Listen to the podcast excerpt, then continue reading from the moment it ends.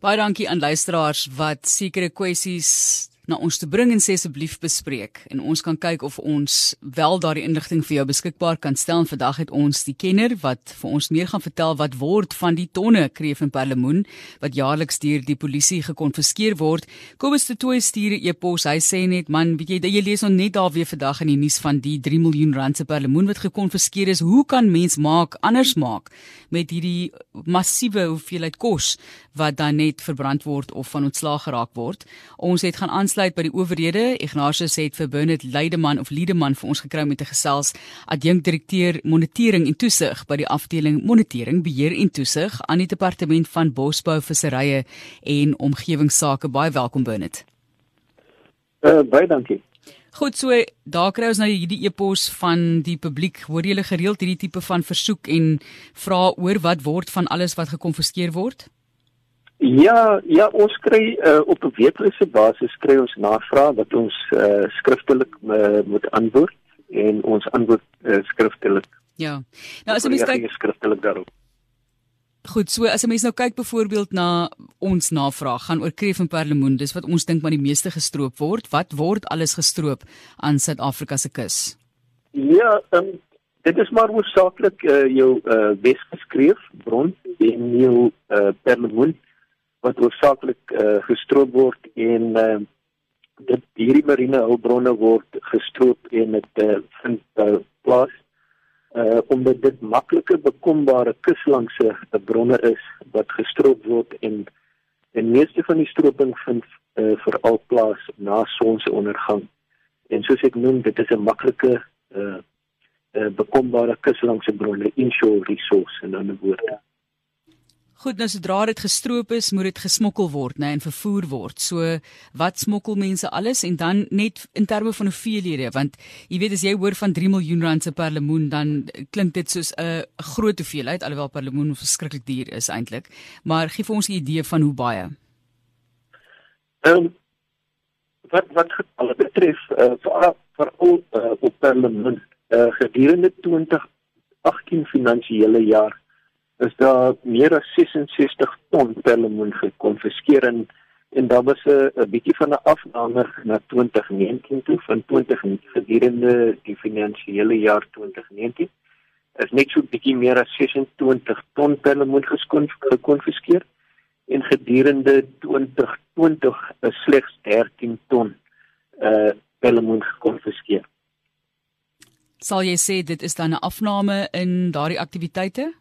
Of Ja, definitief, maar ook ja. die die die beperkings in terme van die COVID-19 regulasies het ook gehelp van onthou visvang uh um was beperk en uh uh mense kon slegs visvang uh slegs die wat uh uh, ontspanningsvissers permit het kon visvang so dit uh, daardie uh, inperkings uh, maatreëls het ook uh, daartoe gehelp Ons gesels oor perlemoen, kreef, die dinge wat gestroop word aan ons kus en wat daarvan word. So kom ons gesels nou daaroor asseblief. Want die die luisteraar wou toe nou weet wat word van hierdie tonne en dis baie baie vis en seelewe wat ons hiervan praat. Wat word daarvan asseblief? Ja, ehm um, wat wat van hierdie uh, uh kreef en perlemoen uh, word is alle gekonfiskeerde vis asook visprodukte word tans in ons amptelike departement gestoor vir veilige bewaring.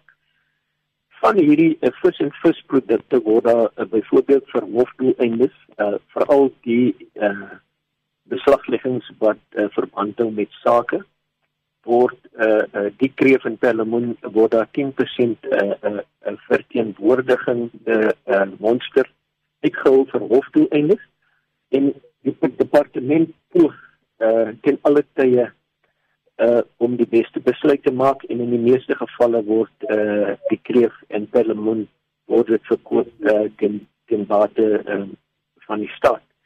Nou as ek net kan noem ehm uh, uh, ten of ten opsigte van hierdie verkoop van gekonfiskeerde vis en visprodukte in gevolge artikel 10.2 van die marine lewende hulpbronne wet wet 18 van 1998 word fondse in die marine marine lewende hulpbronne fonds gedeponeer wat behels boetes in terme van die wat die wat in terme van die wet insluit enige opbrengs van die verkoop van enige vaartuig, voertuig, vliegtuig of toerusting of vis wat gekonfiskeer is of verbeerd verklaar is in gevolge die wet. So met ander woorde wat dit sê is die volgens hierdie marine wet nie alle beslagleggings uh, met ander woorde as vis uh, verkoop word word die opbrengs daarvan in die marine hulpbronne wet geplas en dit word dan in gevolge van die wet teruggeploeg in wetstoepassingsoperasies en operasies uh, uh om stroping te bekamp.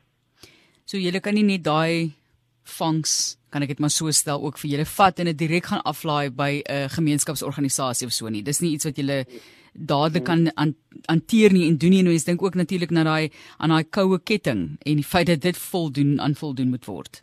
Nee, daar is spesifieke en baie streng maatreëls wat wat dit beperk, nê? En as dit as dit kom byvoorbeeld met die verkoop van perlemoen, daar is spesifieke maatreëls wat byvoorbeeld bepaal word deur die nasionale regulator van verpligte spesifikasies. Dis die ou uh, uh SBS uh um wat spesifiek voorstel of spesifiek uh uh verpligtinge daarstel waar daar moet aan voldoen word. Ons kan byvoorbeeld nie perlemoen in sy rou vorm as soos dit verkoop uh sommer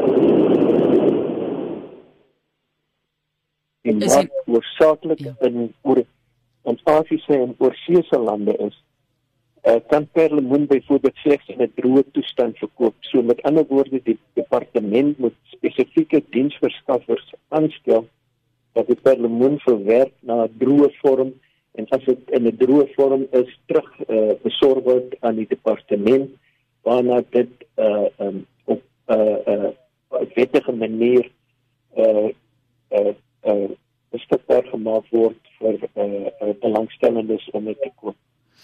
Goed, net laastens kom ons kyk gou vinnig na die teenstropery operasies wat julle uitvoer. Hoe suksesvol is dit en dan wanneer hierdie persone, die stroopers en smokkelaars nog arresteer is, hoe suksesvol is hulle om gefonnis te word deur die howe?